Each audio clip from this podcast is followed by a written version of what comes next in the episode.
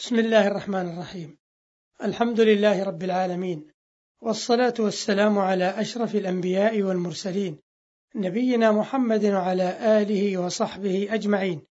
معاشر المستمعين الكرام سلام الله عليكم ورحمته وبركاته. أما بعد فإن الحديث ها هنا سيدور حول هداية قول الله تعالى أولئك لهم الأمن. وهو جزء من آية من سورة الأنعام وهي قوله تبارك وتعالى الذين آمنوا ولم يلبسوا إيمانهم بظلم أولئك لهم الأمن وهم مهتدون. وهذه الآية فصل الله بها القضاء بين إبراهيم وقومه. وقد سبقها قوله تعالى عن إبراهيم عليه السلام لما حاج قومه فأي الفريقين أحق بالأمن إن كنتم تعلمون؟ ففصل الله بين الفريقين وحكم لإبراهيم عليه السلام. والظلم في قوله تعالى بظلم هو الشرك وما دونه من سائر المظالم.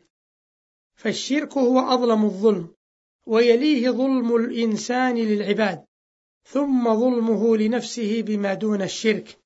فمن سلم من أجناس الظلم الثلاثة كان له الأمن التام والهداية التامة في الدنيا وفي البرزخ وفي الآخرة. ومن أشرك بالله عز وجل لم يكن له أمن ولا اهتداء على الإطلاق لأن الشرك أظلم الظلم فهو الظلم الرافع للأمن والهداية. وأما ما دون الشرك من الذنوب فيحصل للعبد أمن بقدر ما معه من الإيمان وينتفي عنه من الأمن بقدر ما فعل من الذنوب فيحصل له أصل الأمن. وأصل الهداية دون أن يحصل له كمالهما. والأمن ها هنا شامل للأمن في الدنيا والبرزخ والآخرة كما مر كما أنه شامل لأمن الأديان وأمن الأفكار وأمن الأبدان وأمن الأوطان وأمن القلوب. وهذا حاصل لمن لم يلبسوا إيمانهم بشرك ولا معاصي.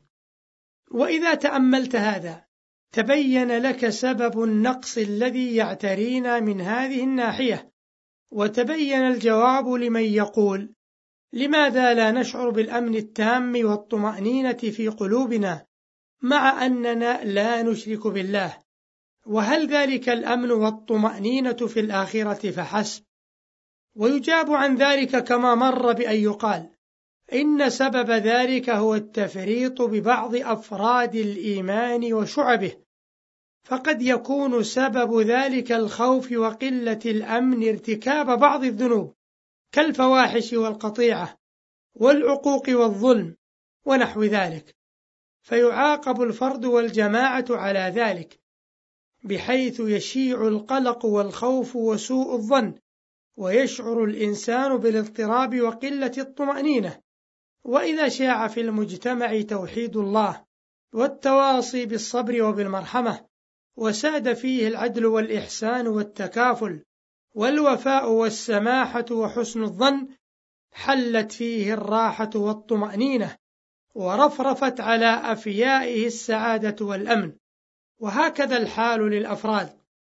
فمن تمثل تلك المعاني عاش في سرور وراحة وأمن نفسي. فحقيق علينا أن نشيع في أوساطنا معنى الأمن بمفهومه الشامل أمن الفكر وأمن الأبدان وأمن القلوب وأن نستشعر أن التفريط في ذلك أو شيء منه خسارة يتحملها كل من شارك فيها أو لم يكن له يد في درئها وهو قادر على ذلك.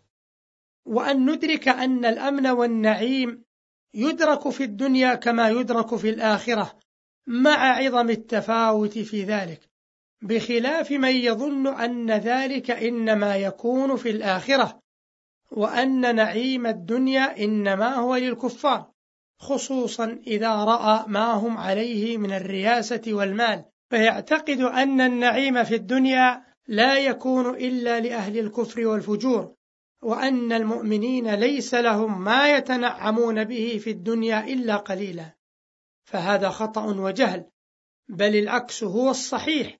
فأهل الإيمان حقا هم أسعد الناس وأشرحهم صدرا في هذه الدنيا. وأهل الكفر والفجور أشد الناس قلقا وهما وكدرا.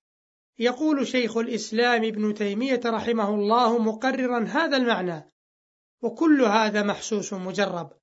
وإنما يقع غلط أكثر الناس أنه قد أحس بظاهر من لذات أهل الفجور وذاقها ولم يذق لذات أهل البر ولم يخبرها. انتهى كلامه.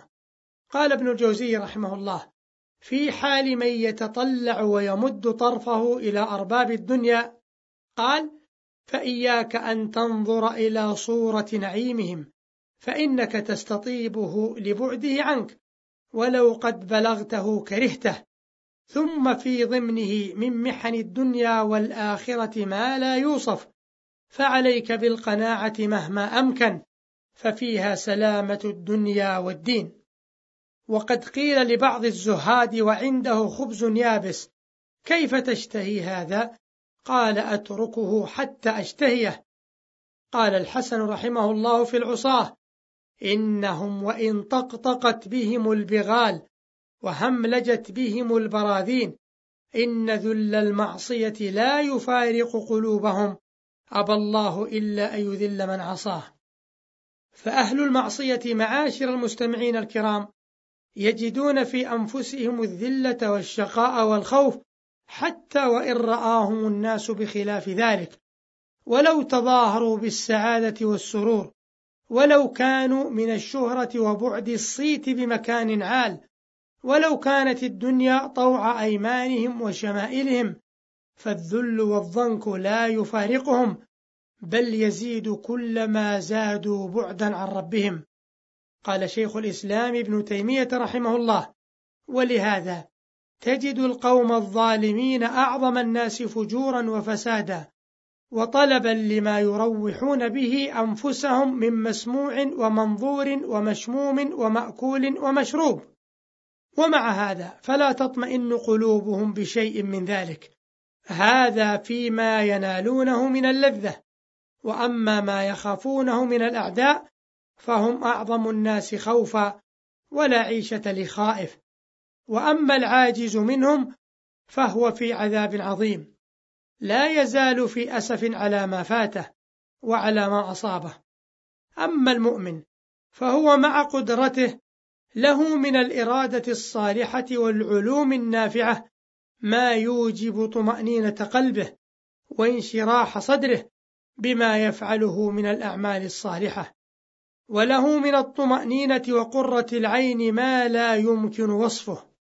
وهو مع عجزه أيضا له من أنواع الإرادات الصالحة والعلوم النافعة التي ينتفع بها ما لا يمكن وصفه.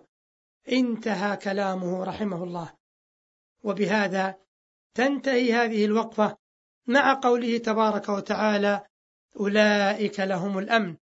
وهكذا يتبين لنا أن الأمن الحقيقي بمفهومه الشامل إنما يكون لمن حققوا الإيمان ولم يلبسوا إيمانهم بظلم وصلى الله وسلم على نبينا محمد والسلام عليكم ورحمة الله وبركاته.